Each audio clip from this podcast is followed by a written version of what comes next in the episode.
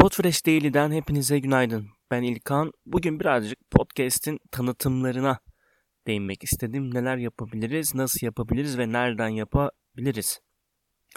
Headliner.app gibi, Wave gibi ya da Audiogram gibi platformlardan aslında kayıtlarınızın arasından seçeceğiniz kısa bir bölüm ile hem podcast'inizi yayına almadan tanıtım olarak işte bunu bir fragman olarak bir trailer gibi düşünebilirsiniz. E, bu görevi görebilecek sesli kayıtlar oluşturabiliyorsunuz. Yani yayınınızın içinden ilgi çekebilecek e, bir bölümü alıp programınızı yayınlamadan önce bunu bir sesli tanıtıma çevirip e, sesli kayıtlar oluşturup bakın benim yayınım geliyor gibi tanıtımlar yapabiliyorsunuz. Yayınınızı publish ettikten sonra da tabii yine farklı ses aralıkları ve dinamikleri seçerek gayet hoş tanıtımlar yapmanız mümkün. Tabi buranın avantajlarından birisi yine birincisi her mecraya göre her formatta tasarım yaptırabilmesi. İşte Instagram'dı, Twitter'dı ya da işte e, Facebook'tu ya da işte YouTube'du, YouTube formatına göre e, çeşitli varyasyonları var ve görsel olarak da piksel olarak da kendini bunlara göre ayarlayıp ona göre tasarım yaptırıyor size. İkincisi ise çok güzel şablonların olması yani tasarımcı ya da görselci değilseniz de şayet burada çok güzel tasarımlar yapmanız oldukça mümkün.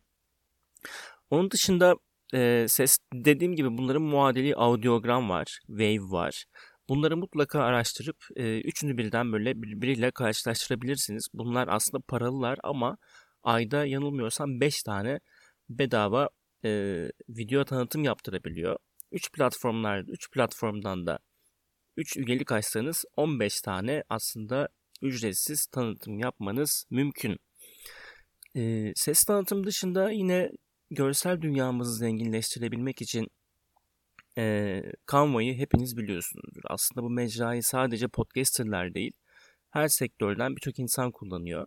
Gazeteciler sahada sıcak haber yapıp hemen görsel tasarlayıp sosyal medyada paylaşabiliyor. Birçok kategoride menü yapımından tutun davetiye tasarımına, logo tasarımına, YouTube thumbnail tasarımına kadar birçok şey yapmanız mümkün.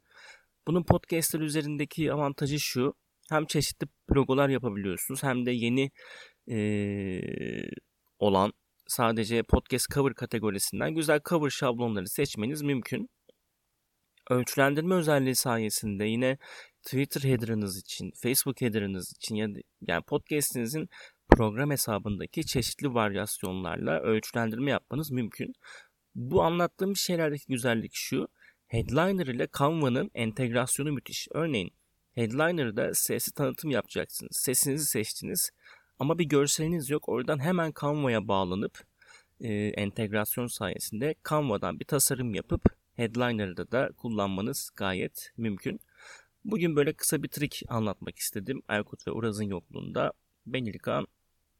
Yarın yeni bölümde görüşmek üzere.